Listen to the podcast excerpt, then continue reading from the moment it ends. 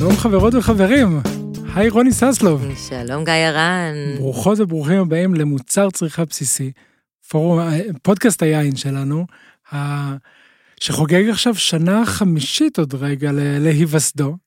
כן. שבמהלכו אנחנו מגיעים לאזורי יין מעניינים מסביב לעולם, ויצא לנו כבר לבקר באיטליה וצרפת ופורטוגל וניו זילנד ומדינות שונות, ועכשיו אנחנו מגיעים לאיזשהו מקום קצת אה, אולי פחות מוכר בקצה העולם. אולי, אולי, ובעיני כמה פחות מוכר, מקום שבאופן אישי כמובן מאוד אה, קרוב לליבי. אנחנו הבאנו אה, מומחית לעניין, כזו ש, שמכירה מ, מלפני ומלפנים גם את המדינה באופן כללי וגם את, ה, ואת התרבות מהבית וגם את היין המקומי. זה נכון, זה נכון. אז, אה, אז נולדתי בקנדה. סתם לא נראיין אותי היום. אנחנו אוהבים אותך רוני. יש לנו שני מרואיינות אה, נהדרות שהצטרפו אלינו, אה, כי זאת באמת מדינה מרתקת, קנדה, מבחינת ענף היין שלה. אנחנו כשנסעתי ללמוד ייננות שם, אז אמרו לי, מה, עושים יין בישראל? וכשבאתי לפה להגיד, למדתי ייננות בקנדה, אמרו לי, מה, עושים יין בקנדה? זה, זה די דומה, ואני חייבת להגיד, גם ההיסטוריה שלנו די דומה, מבחינת המסלול. צד אחד מדברים על פינגווינים, מצד שני מדברים על גמלים, ובכל מקום מדברים על מדבריות בצורה כזו או אחרת. זה נכון, ועל מדבריות וגם על... אזור שהוא נישתי, שעוד לא חשוף לעולם, והוא מאוד מחפש ומוצא וחוקר את עצמו.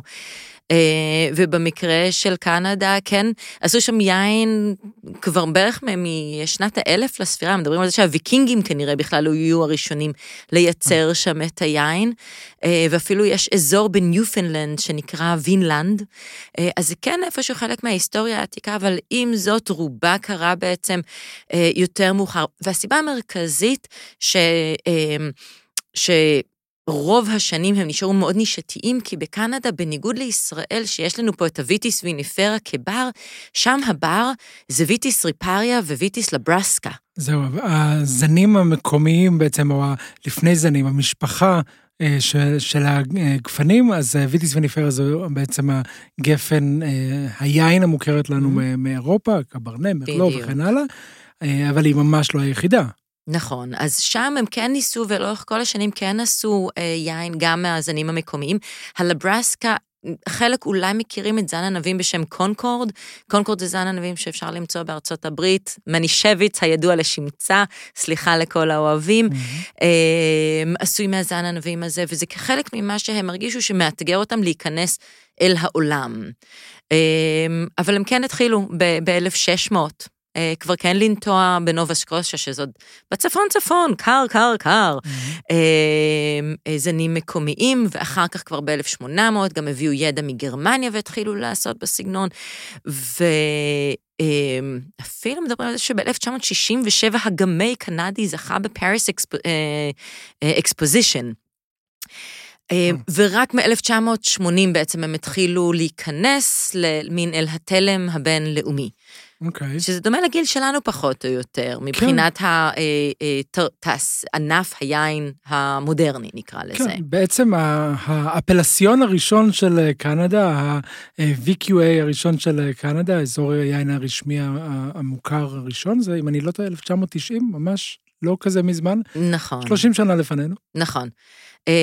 יש להם סך הכל ארבעה אזורי יין. אה, באופן לא מפתיע, שלושה מהם נמצאים בצד המזרחי, ורק אחד, הבריטיש קולומביה, בצד המערבי. ארבעה אזורים אה, גדולים, ובתוכם תתי אזורים, ובהחלט, כן. בדיוק.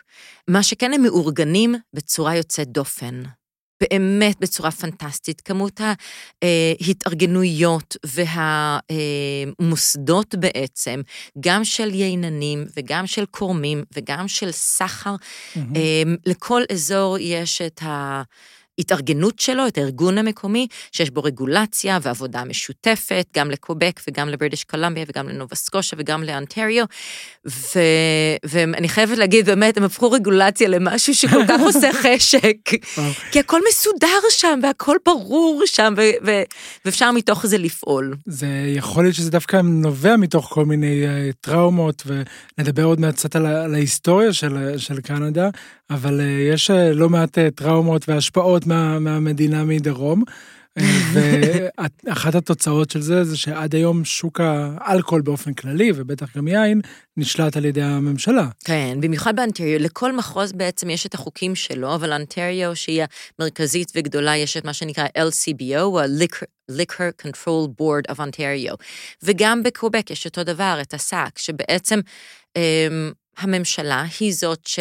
קונה את היין, היא זאת שיש לה את החנויות, היא זאת שמוכרת אותו, וחוץ מאשר למטרות דתיות, mm-hmm. כל האלכוהול נמצא תחת אה, חסות ממשלתית. זה מונופול ממשלתי בסוף. ממש ככה. כמו חברת חשמל. כן, שהם קובעים... רק יעיל. Uh, כן, אבל, וגם על זה כמובן יש מצד אחד יתרונות ומצד שני ביקורת, uh, כי הם אלה שקובעים איזה יינות ייכנסו למדינה ובאיזה מחיר זה יימכר, uh, לטוב ולרע. אבל זה מאוד מעניין בעצם הפורמט שהם יצרו לעצמם, שזה לא סחר אה, חופשי, אבל זה כן, מה שהם לפחות מנסים ליצור זה סחר הוגן. אה, בתוך המגבלות שלו. אוקיי, okay. הוגן, יעיל, בעצם יש לא מעט שאלות על המקום הזה של אה, איפה מגיעים ל, ליעילות טובה, איפה מגיעים לזה ש... אה, שלצרכנים, לאזרחים אפשר, אה, יוכלו לקבל בהם אה, בצורה מאוד מאוד טובה. מצד אחד גוף ממשלתי לא, לא נועד להסיר רווחים, אלא נועד דווקא לשמור על מחירים אבל זה מצמצם מיסים. אם זה... הם מצליחים לקבל יותר כסף דרך בעצם זה שהם שולטים על זה, ועוד פעם, אני לא בהכרח בעד, אבל כן חלק בעצם מהמיסוי הולך לכל שאר הדברים, כמו לתקן כבישים אחרי החורף. כן, וזה משהו שדרוש בקנדה, ואנחנו נדבר גם קצת על החורף נכון. הקנדי. מה שכן, LCBO באמת עושה המון המון המון המון פעילות שיווקית לתמוך ולקדם, זה מאוד מעניין. אבל בואו בוא נזמין את, אה, את האורחת הראשונה שלנו, אה, PhD, ג'אנט דורוזינסקי, שיש לה, אפשר למצוא אותה כ-wine track mind, שהיא WSET דיפלומה, היא כותבת על יין, היא שופטת ומנהלת תחרויות יין, היא גם חלק, אחת מהכותבות של ה-Oxford Wine Companion, החמישי, שיצא אלינו בקרוב, אה, והיא חיה גם מבחינה, היא מלווה ומייעצת אה, בתי עסק יקבים, את המסחר בעצם, אה, מכירה היטב כל מה שקורה. מצד של הייצור ומהצד של המסחר ומהצד של האיכות של יינות בקנדה. Hello, Janet. Hello, Janet.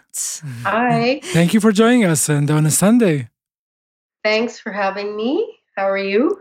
We're good. I'm very, very excited about this episode with you to shed some light on the fascinating things that are happening in Canada, the country far, far away from where we are.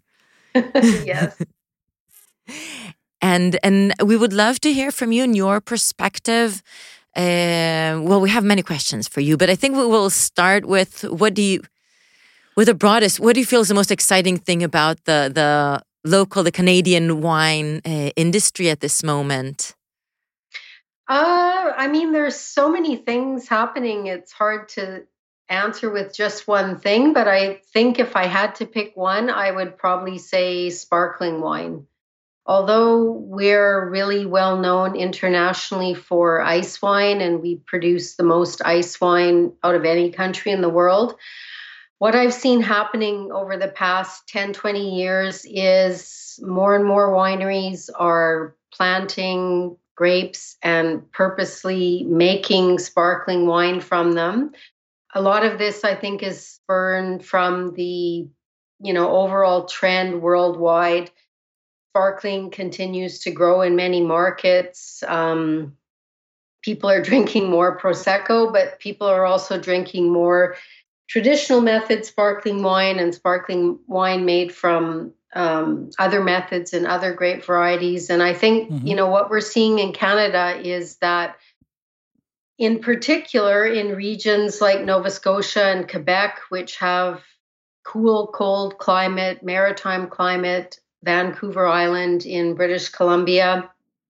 It's so well suited to uh, sparkling wine because grapes can become the ripeness, they achieve the ripeness that they need um, to make really good sparkling wine. And yeah, we're just making really great sparkling wine. Oh, Exciting. So, so you're uh, uh, competing maybe with uh, with uh, champagne and uh, uh, England that now and I mean I just I just read yesterday to prepare myself for today at the Oxford Companion to Wine by Jancis Robinson that I mean, the first sentence about Canada was this is the country that uh, probably earned the, the most of uh, global warming uh, mm-hmm. because now it's more uh, more possible uh, to to to or it's might be a little bit easier to produce wine.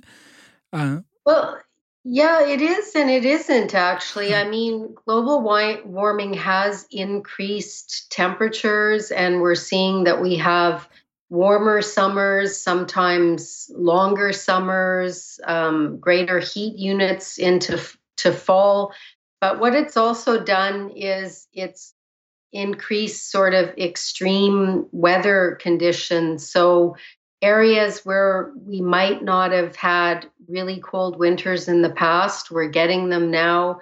Um, places where we haven't had as extreme heat in the summer we're getting them now so it's it's caused winemakers and wineries to have to think you know if what they planted 10 20 30 years ago if it's still the right grape variety for the region and also in, in places like british columbia very sadly in the okanagan what global wa- warming has meant is that there's a greater risk of forest fires every mm. year. So it's not all good, but it is, you know, overall there have been, we have benefited as a country from global warming. But I just wanted to say that I think what we're seeing in Canada is similar to what we're seeing in many parts of the world is that global warming has led to extremes, which is always unpredictable and, and hard to manage. Yeah. No, you were talking about grape varieties, and we would love if, if you can share with us some of the the kind of the the top grape varieties used. What uh, should we expect to find? Well, I think um, across Canada we grow about a hundred different grape varieties. We have about 3,200 or 32,000 acres, which is just like 13,000 hectares. So we're quite still small in terms of the size of our viticulture area. We're kind of equivalent to Uruguay, um, if I can make a comparison. we grow in four main regions British Columbia, Ontario, Nova Scotia, and Quebec, although there's bits of wine made in, in other parts of or other provinces as well. Uh, the reason I mention that is because although I said there's a hundred over a hundred grape varieties grown, it's really kind of dependent on the area where you look in in Canada and what's being grown. So in Ontario, you know, the core varieties are Chardonnay, Riesling, Pinot Noir, Cabernet Franc. We have some Gamay that's very promising. In BC, the most planted grape varieties are Pinot Gris, Chardonnay, Gewürztraminer, Riesling. Um, Merlot is the most planted red, although Pinot Noir is closely um, coming in on that. There's also Cabernet Sauvignon, Syrah, Cab Franc as well. So mostly vinifera in those two provinces.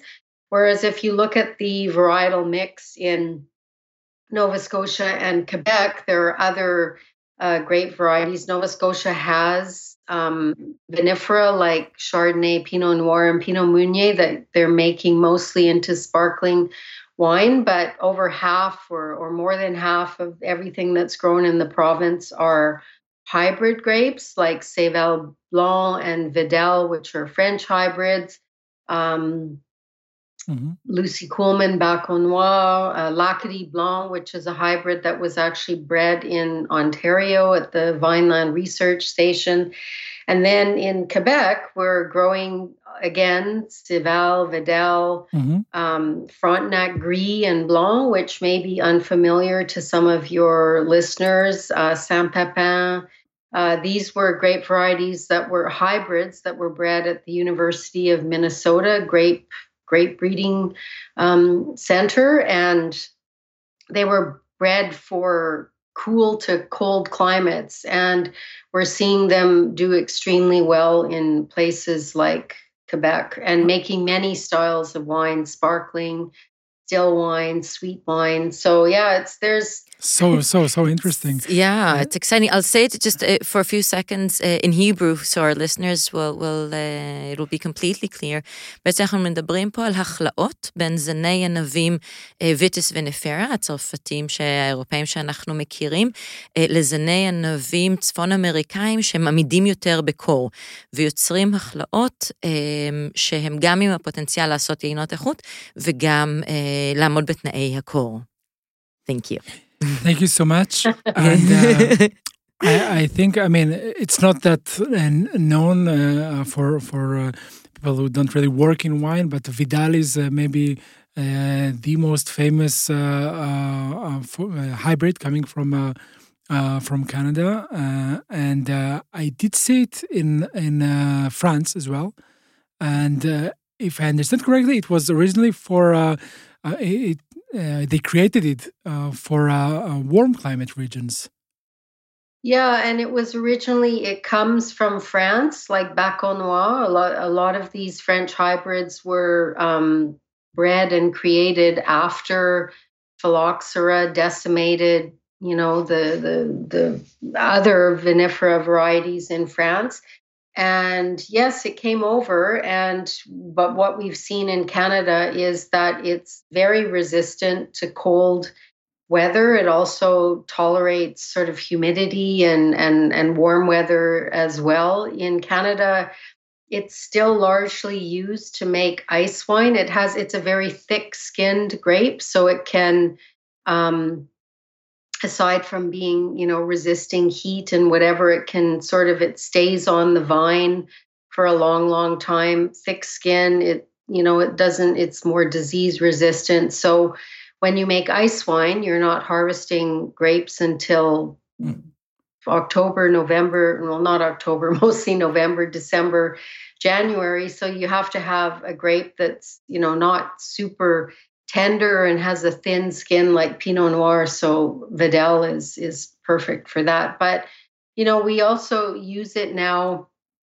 There are wineries that are making again sparkling wine out of it. There are wineries that are making orange wine, skin mm-hmm. fermented wine out of it. Canada, well, Ontario, their winemaking reg- regulations are actually the second place in the world where we have specific um, regulations or a framework for making orange wine. South Africa was the first, and uh, VQA Ontario was the second. So a lot of Vidal is being used in orange wine. It's great nice. for the the maceration on the thick skin, and Vidal is also a very aromatic grape variety, and that often translates into the uh, the flavor profile of the orange wines that are made from Vidal. Exciting! So orange wine is becoming a thing in Canada. Well, it is. It's. I mean, it's.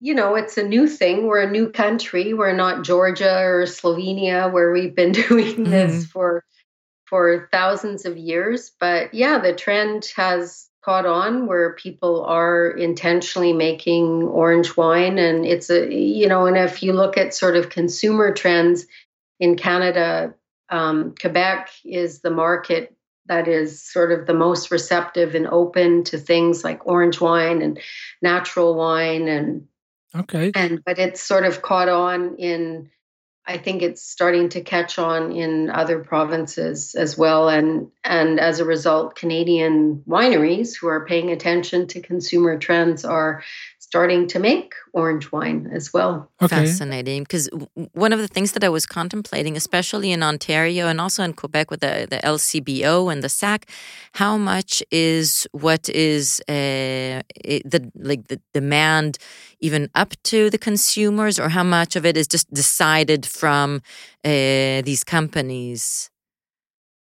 Uh, well, I mean, they're both provincial government monopolies. They do have wine buyers and marketing people and, and a bottom line. And, you know, they are looking at sort of consumer trends and and global wine trends and and what's happening. Um, okay. And they both have very different selections. I would say I live in Ottawa, which is right on the border between Quebec and Ontario. So I can actually drive to an SAQ in like seven minutes from my house, or I can walk seven minutes and go to the the biggest um, LCBO in Ontario, uh, in Ottawa rather. And um, what I would say is the selections are I mean, they are based on sort of what consumers are interested in. But I, if I had to say overall, I think maybe in Quebec they're offering a bit more sort of experimental offerings and and and different offerings that you don't see the the selections i mean all of them have or both of them have the big brands and you know what we would see in any market in the world. But you know when i go to the saq i see like you know obscure uh, produ- orange wine producers from friuli or you get really interesting selections from portugal and spain and small un- unknown regions from those countries and producers. Um, the LCBO, you can find that as well, but I think overall, um, for for my palate anyway, I think the selection is is less interesting right now. Okay, and you were talking about the the local market and what people drink in Canada. Outside of Canada, I think uh, if you like someone who, who knows a little bit his way, uh, her way in the, the, world of wine, they'll probably uh, hear Canada and think of uh, uh, ice wine. Uh, that that sweet nectar coming from frozen grapes from um, Canada, and you'll find also in in Germany and Austria but apart from that, we will hardly see uh, any Canadian uh, wines outside of uh, of Canada. Maybe you can tell me uh, uh, what you see in, in terms of uh, exporting Canadian wine. Yeah, so our biggest export markets are China and the US, and a lot of that is um, ice wine, as you said. We're still mostly known for ice wine, but um, I have a day job where I work with Canadian wine, beer, and spirits companies on export, and there has been sort of a focused effort over the past 10, 15 years to go into certain markets and become better known internationally. And a lot of the wineries that we work with are not focused on ice wine, they're focusing on table.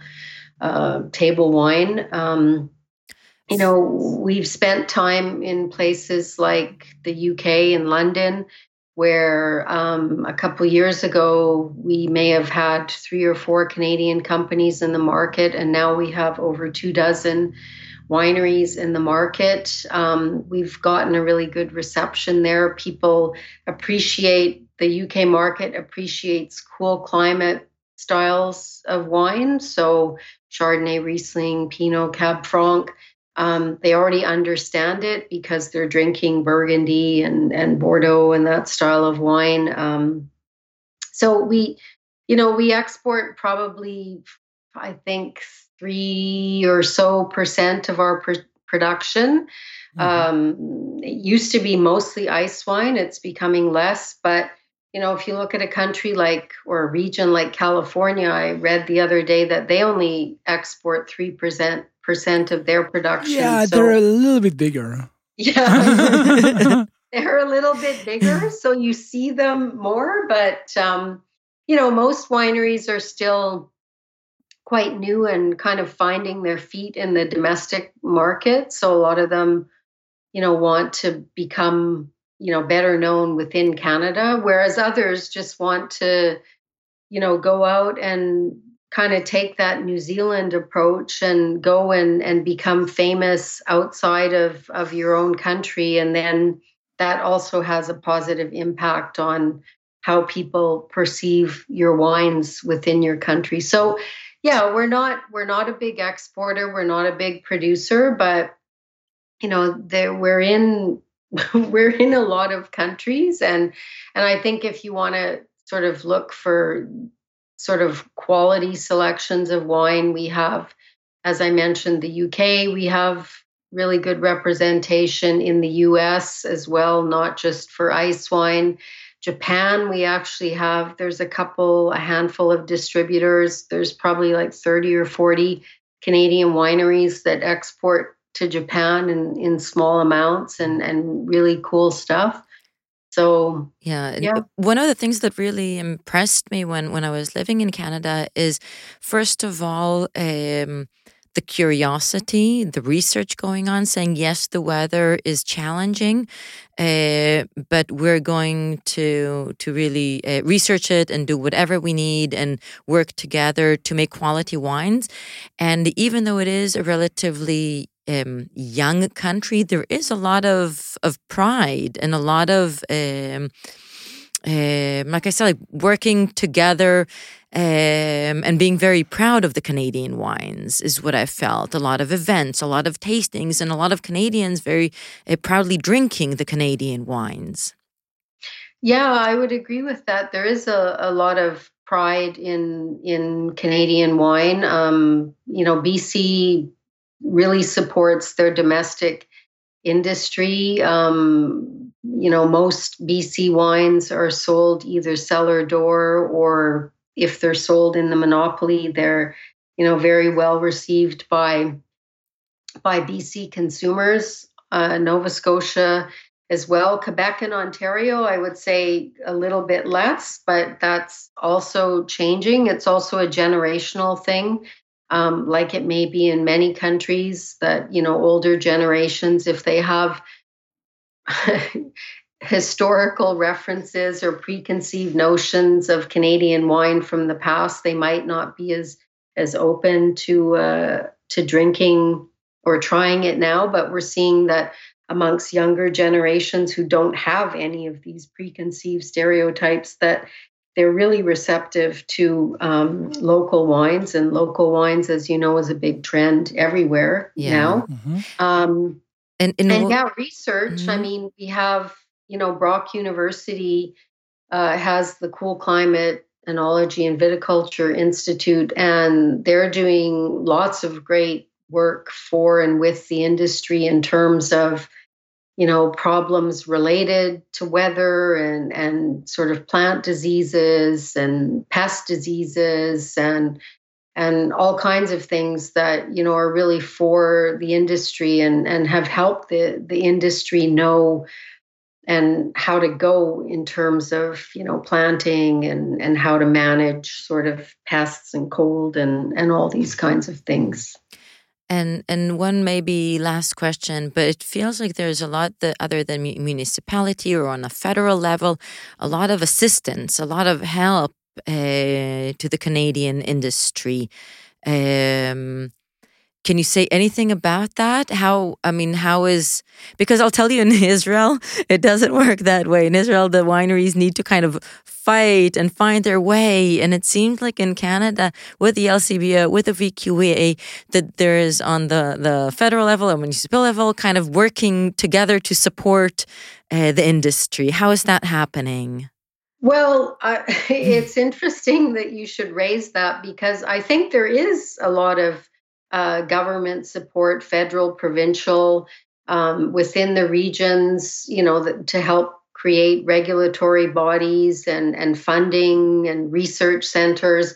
Although I'm not sure if I if you had a, if you asked a winery that they would probably not um, answer the same way or see it the same way. I think a lot of them see the provincial liquor boards as really limiting in terms of the sales channel that mm-hmm. they have in the provinces because out in 9 out of 10 provinces we either have only liquor boards or a mixed system alberta is the only province that has a free market um, but you know that said i mean i think we also have to so the, the liquor boards try to list as as many canadian products as they can. Uh, wineries still make more when they sell cellar door or direct to consumer or restaurants. So a lot of them choose not to sell to liquor boards. And in Ontario, I think the figure is less than 50% of all Ontario production, maybe 40% is sold through the LCBO of Ontario wine I'm talking about. Mm-hmm. And then, you know, the rest is cellar door and Amazing. restaurant.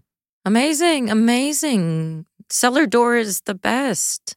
Yeah, cellar door, you make the most money because you don't have any sort of markups and you don't have to give, or if you know, you don't have to have an agent that you have to pay money to take your wines around to restaurants and, and get sommeliers to taste them. So, yeah, that's definitely the, the best way. And cellar door and wine clubs and yeah. Amazing. but I, I think there is a lot of support. Uh, I mean, I don't know maybe in comparison to places like Europe where they have way more money, the EU has a lot of money that they give um, to producers and to you know wine associations. But I think overall the wine industry is probably not that poorly served in Canada. Mm, Not at all. I have to say it's it's it left me at awe on so many levels, really. interesting from an outsider perspective because you know when you're here i mean i see what i see and wineries see what they see but it's always helpful to have an outside perspective on your own industry and compare it relative to the rest of the world Absolutely. Yes. Uh, yes, thank you so much. Uh, I mean, uh, there's so much to, to learn about Canada, and uh, unfortunately, we do not have too much, uh, too many different uh, examples of Canadian wine uh, in Israel. Yet, hopefully Uh, that will change. But yes, yes, hopefully. Good, Janet. Thank you so much for sharing your time and your knowledge and wisdom with us. well Thank you. thanks for having me Thank you so Thank much. you. And Yeah. cheers the next time in Canada or Israel. Yes, please. yes all right Good. Thank you. Thank you so much. Bye bye. ביי ביי. bye וואו, וואו, כל כן. כך הרבה נתונים וכל כך הרבה אה, ש, שקורה שם בקנדה, ככה תקציר קצר ועוד אולי קצת דברים כדי לסדר לנו את, את הדברים, אז דיברנו על אייס ויין, זה יינות שבוצרים אותם כשהענבים קפואים, ו... כן, אה, לא סוג- יותר חם ממינוס שמונה מעלות צלסיוס בזמן הסחיטה. כן, ואז אנחנו בעצם מקבלים את אפקט הארטי קרח, בעצם מה שקורה זה שאנחנו סוחטים אה, משהו שהוא קפוא, אז הסוכר, חומרי טעם וריח אה, יוצאים קודם, המים הקפואים נשארים חלקם מאחור, נקבל איזשהו משהו שהוא יותר מרוכז, יותר... אה, בין 350 ל-420 גרם סוכר לליטר, כן. בין שליש לכמעט חצי מהנוזל הזה, שאמור עוד לתסוס, הוא סוכר. כן, המון המון המון סוכר. טעים. כן, וואו, כן, כן. איזה ריחות יש לו, אז זה, מטריפים. אז זה בעצם המותג הכי גדול אולי של, של יינות קנדיים ברמת המיתוג העולמי. בדיוק, ברמת הפרסום, אבל סך הכל הם מייצרים בסביבות השלושה אחוז ממנו. כן. אה, שאר היינות, וזה מעניין, כי זה קצת דומה למה שקורה בפורטוגל עם הפורטו. נכון. אה, שהיינות פורט אה, אה, אולי פרסמו את פורטוגל, אבל זה אחוז קטן היום, זה כחמישה אחוז ממה שמיוצר במדינה, וגם בקנדה. זה מה שפרסם אה, אותה בעולם. אבל זה בהחלט כמות קטנה מאוד ממה שהיא בסך הכל מייצרת. וזה גם שאלה, כן. אה, האם ואיך היא תוכל להמשיך לייצר עם ההתחממות האקלימית. נכון, נכון, נכון, וקנדה אה, אומנם לנו לא מאוד מוכרת, אבל אה, כן אה, מדינה שיש בה כמעט כפול בכמות היקבים בהשוואה למה שיש ב- בישראל, ומייצרת אה, משהו כמו פי שלושה, אה, קצת יותר מפי, מפי שלושה ממה שמיוצר פה בארץ. כן. אה, ויש להם זמן, ויש להם נינוחות, ויש להם כסף, וזה יוצר איזושהי שלווה מסוימת, גם ביינות וגם בעשייה וגם ביקבים. באמת, לבקר שם ביקב זה, זה חוויה מדהימה, לא משנה כמה הוא קטן או גדול. הם קודם כל... מה שאומרים עליהם זה נכון, הם מאוד נחמדים, ו, ומאוד מזמינים, ומאוד פתוחים, אמ, ובגלל שאפשר לעשות יין רק באזורים מסוימים, אז אמ, באותם אזורים יש מלא יקבים, ואפשר לארח אמ, הרבה ומאוד מומלץ לבוא לבקר. אה, לחלוטין כדאי ללכת לבקר בקנדה, ותיירות יין בקנדה זה משהו לא מבוטל בכלל, וזה משהו שגם אה, נתמך על ידי הממשלה, מה שהזכרנו קודם. אה, ואנחנו רוצים להזמין, לשוחח אשת תיירות יין מקומית בקנדה, שהיא גם wine educator, היא מלמדת ומחברת אנשים ליין, והיא עוסקת בתיירות יין גם עבור קנדים לעולם וגם עבור אנשים מהעולם בתוך קנדה. אה, אנחנו מדברים על אה, קריסטין מנסוי, אני מקווה שאני הוגה את זה אה, נכון, שמנהלת חברה שנקראת קיקיקו, וויין איבנטס. נעלה לפורום היין שלנו, אמצער צריכה בסיסי, שתוכלו לראות בדיוק מה נכון. היא עושה. זו חברה שזכתה במקום הראשון בקנדה במגזין לוקס לייף ב-2021, בקטגוריה של ה-Best Wine Event Planner and Educator בקוויבק, ממוקמת בקוויבק. והיא עושה סדנאות ואירועים ומייעצת לחברות, אם זה יבוא ואם זה מסחר, ביין בקנדה, וננסה קצת להבין ממנה מה, מה קורה כרגע בקנדה. Hello, Christine. Hello, Christine, and thank you for joining us. We have Ronnie Hi. and myself here. How are you? Thank you for inviting me. Thank you. It's a real pleasure, and thank you for uh, for talking to us uh, on a Sunday. And uh, yes. we understand that uh, you you're traveling.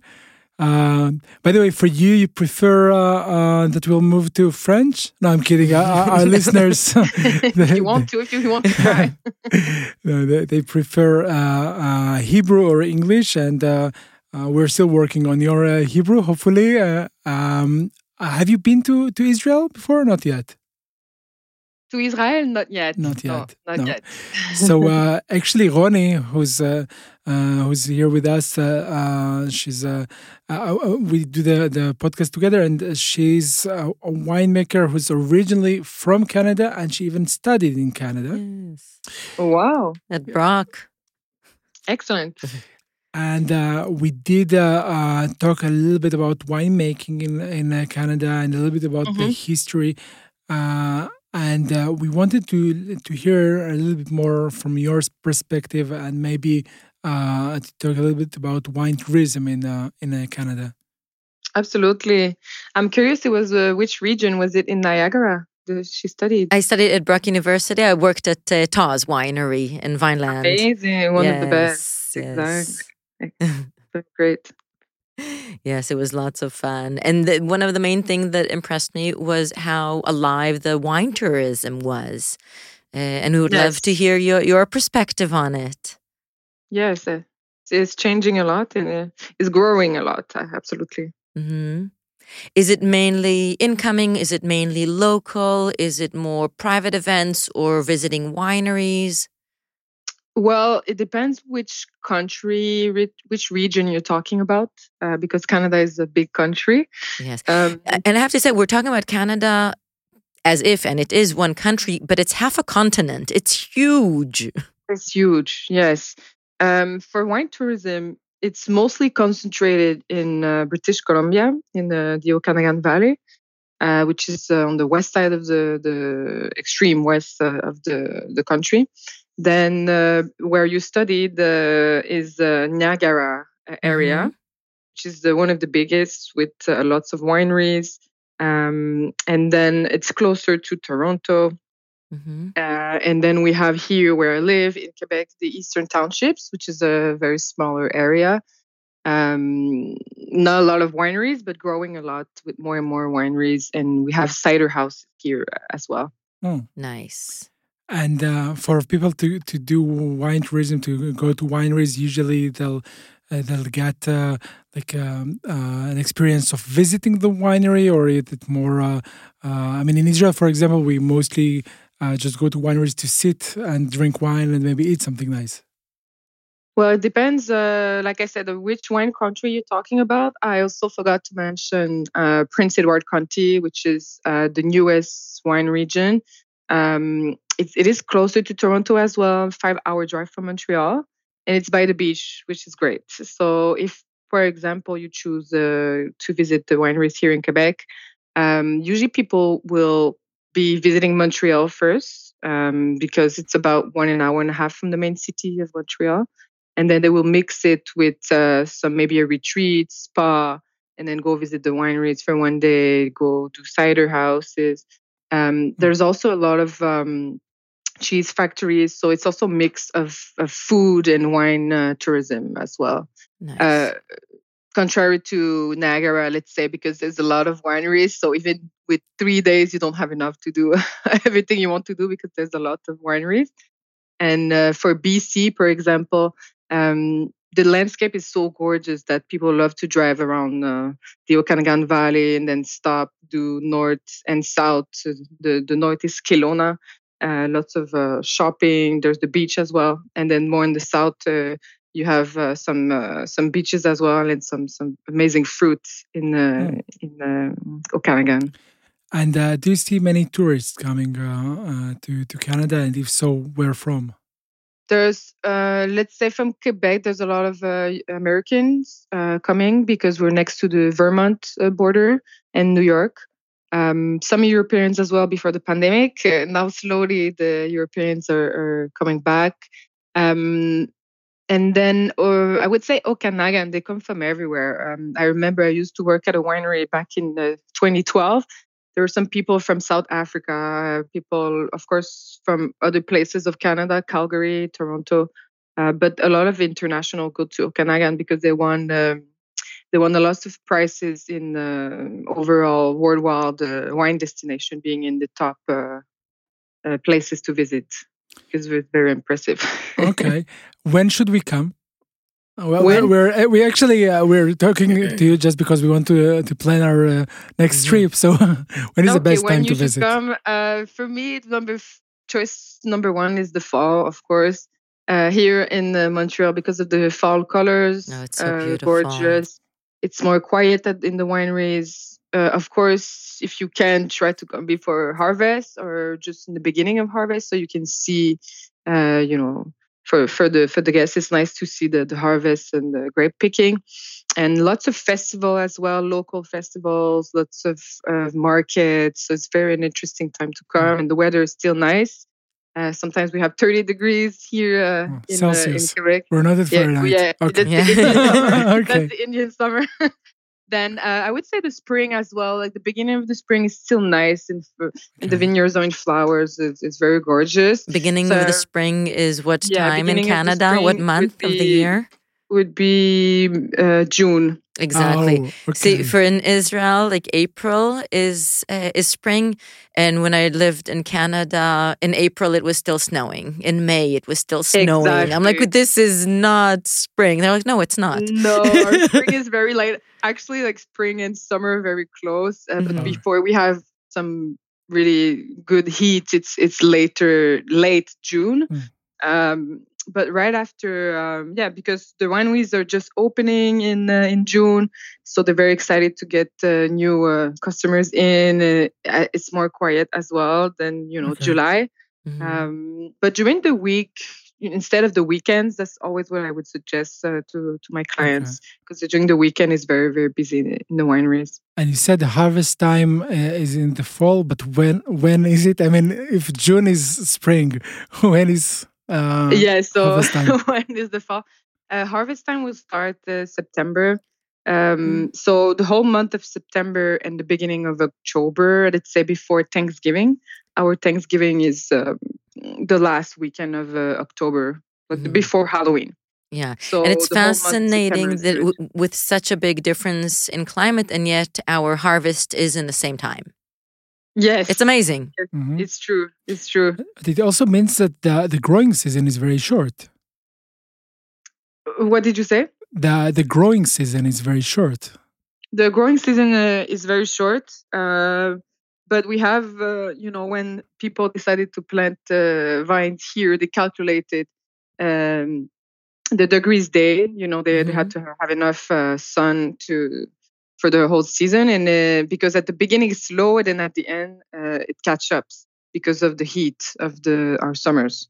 Yeah, so it's, it's pretty amazing. Yeah, the summer is surprisingly warm. It is. If you take, like, like you said, the growing degree days, Mhm. uh, like the amount of sun, then it is, uh, you can compare it to uh, Oregon or to Bordeaux. uh, Bordeaux, yes. exactly, or to, and Mhm. it, it's even more than Champagne.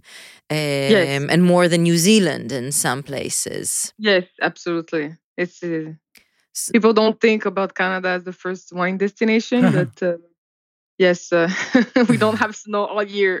Exactly. like we don't have a desert all the everywhere. It's a thing that yes.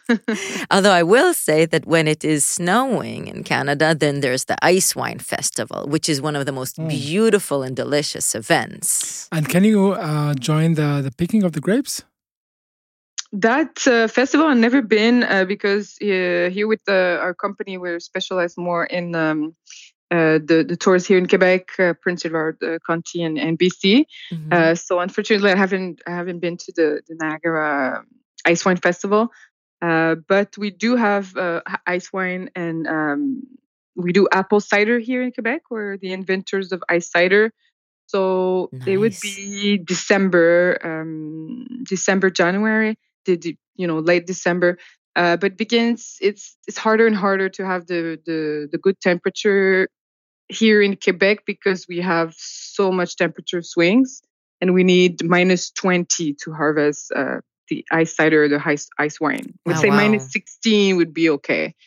Um, and I spoke to some winemakers in uh, Niagara and they say they were lucky to have still have minus 16, but it's not always uh, easy each year. You know, Yeah. some some uh, because there's many ways to do ice wine, but the the real way to do it is to harvest directly um, the grape that it's uh, ice from in the vineyards. Yeah. But some would froze them in in freezers and do you know um, shortcut Okay. way to do it. Wow. Yeah. So, uh, uh, I mean, we have so many more questions uh, for you uh, to to uh, allow ourselves and the, uh, the listeners to uh, create their next uh, uh, visit uh, wine tour in uh, in Canada. Hopefully soon. Yeah. We're working Yes. on that. Uh, but uh, uh, we will need to uh, finish now. Unfortunately, thank you so much for joining us. Thank you You're so, so welcome. much. Thank welcome. you. Thanks for the And I hope invitation next and, time, uh, yes. Yes, absolutely. Next Part time in two. Canada. Thank, Thank you. you so Have a much. great day. Thank you. Bye. ביי. See you soon. Bye. ביי ביי. מעניין. אה, אני מת לטוס לקנדה. בצדק. זה בצדק. נשמע לי כמו חלום, זה כל כך שונה ממה שיש אצלנו. כן. ובהכנה לקראת הפרק הזה, ראיתי קצת איך היקבים שם נראים, איך הכרמים, זה כל כך כל כך יפה, כן. וזה נראה, וזה מרגיש, עם כל מי שדיברנו, שכולם כל כך באים בטוב. ממש, ממש ככה, ובצורה באמת יוצאת דופן, שיש כל כך הרבה התארגנויות וכל כך הרבה ארגונים, חלקם אה, אה, באמת מין ממשלתיים, וחלקם זה פשוט התארגנויות של הכורמים ביחד ושל הייננים ביחד, אה, של היקבים ביחד בכל אזור, והם כזה, "מ, בואו נעשה דברים כיפיים ביחד, בואו נעשה כמה שיותר שיתופי פעולה, וזה נראה ככה. יש להם אתר, אנחנו נעלה את זה גם... אה, גם לפייסבוק שלנו. וזו הזדמנות לקריאה נרגשת לממשלת ישראל ולגורמים אחרים שיודעים לייצר דברים של כל המדינה ביחד. כן, אה, אז בדוגמה הספציפית נגיד של, אה, של קנדה, יש להם באמת אתר שמרכז את הכל. מיינדס אוף קנדה. Wines of Canada, כל כך פשוט, כל כך יפה, הלוואי בקרוב גם אצלנו, ובאמת היקבים שם, אפשר ללמוד מהם כל כך הרבה על אירוח, ו... וגם על עשייה, כי הם בצורה אולי שונה מאיתנו מתמודדים עם אה, אה, אתגרי אקלים. והם כל הזמן, גם קצת כמו אצלנו לכיוון השני, מנסים לראות מה יש באזור הזה מבחינת הפוטנציאל, כמו הזן ענבים וידל שעושים ממנו יין מהמם. כתום, או כמו ריזלינג, או כמו בכלל להיכנס ליותר יינות מבעבעים, ואני רוצה להגיד שעוד, אני אמנם למדתי ייננות שם ב-2008 ו-2009, אבל כבר אז עשינו מה שנקרא experts tasting באוניברסיטה, שהאוניברסיטה הייתה מזמינה מומחים, כל פעם בוחרת איזשהו נושא, והנושא בשנה שאני הייתי לשמחתי היה יינות מבעבעים, וטעמנו יינות קנדים מבעבעים בטעימה עיוורת, כמובן לצד וב קליקו, לצד דון פריניון, לצד ידועות. כל השמפניות, אה, השמפניות הגדולות, וכבר אז אה, הם הראו תוצאות מאוד יפות, והיום אפילו עוד יותר. מרתק, ואני זוכר אפילו שהבאת לנו פעם לטעימה בקבוק של אייס וויין מבעבע. נכון, נכון, של. שזה אחד הדברים שהכי קשה לעשות, כי באמת הבועיות של ה-CO2 מתקשות לעלות דרך הסירופ. הכל כך מתוק וכל וואו. כך נפלא. והם עושים גם יין מבעבע שהדוסאז' שלו, של ההוספה של המתיקות לתסיסה השנייה, היא מאייס וויין, ולא מסוכר. הם ממש חוגגים את האקלים שלהם ואת מה שיש שם, גם כמעט מרתק. ואין יקב שאין סביבו כרם ומרכז מבקרים. כן. אה, אפשר באמת ללמוד כל כך הרבה מהם. כן, כן, הלוואי. מי שרוצה להתחיל את הלימודים כבר בארץ, אה, עשינו קצת בדיקה, מעט מאוד מגיע לארץ מקנדה, אני לא בטוחה אני מכיר שבכלל... אחד מה? מה? שנקרא צפונה, שמיובא על ידי ייצור סוכנויות, וזה יין כשר מקנדה, שמגיע לא רק- גם אייס וויין, אבל גם יינות יבשים. אה, אם. אני זוכר נכון, שרדונה וריזלינג. אה, מקנדה שמיובאים בצורה סדירה לישראל, כשרים ובעיניי גם טובים. מעניין, כן. מעניין, יפה. אז זה ההתחלה, והם גם מתמודדים עם האתגר כמו שלנו, זה שהיינות שם יקרים, יקר לעשות אותם, ואין להם עדיין את התדמית הבינלאומית של אה, מדינה מייצרת Mhm. יין. ולכן הם מחפשים זהות. נכון, נכון, ו- ו... ונמצאים כמה צעדים לפנינו בהקשר של זהות ושל אה, אזור יין, אה, אזורי יין מובחנים ושל סגנונות ושל תיירות ושל עוד כמה דברים. לא הרבה לפנינו, יש הרבה מאוד מה ללמוד מקנדה, בהחלט, בהחלט, ובהחלט לנסוע ולבקר ולטעום וליהנות. בהחלט. רוני, הלוואי ש... שהיינו יכולים להמשיך לדבר עוד על קנדה ואם אפשר שם, בהחלט. אה, ואני מקווה שנהנית מהקפיצה הקטנה הזו הביתה. מאוד, כן. מאוד מאוד. אה, תודה רבה. תודה לך ותודה לכל המאזינות ומאזינים שלנו. ניפגש בפורום היין שלנו, מוצר צריכה בסיסי, בפייסבוק, ובכלל, איפה שתרצו, מוזמנים לכתוב לנו, גם דרך האפליקציות השונות. אנחנו קוראים את הכל, מגיבים להכל, ונשמח לשמוע מכם. יאללה, חיים טובים. ביי ביי. ביי.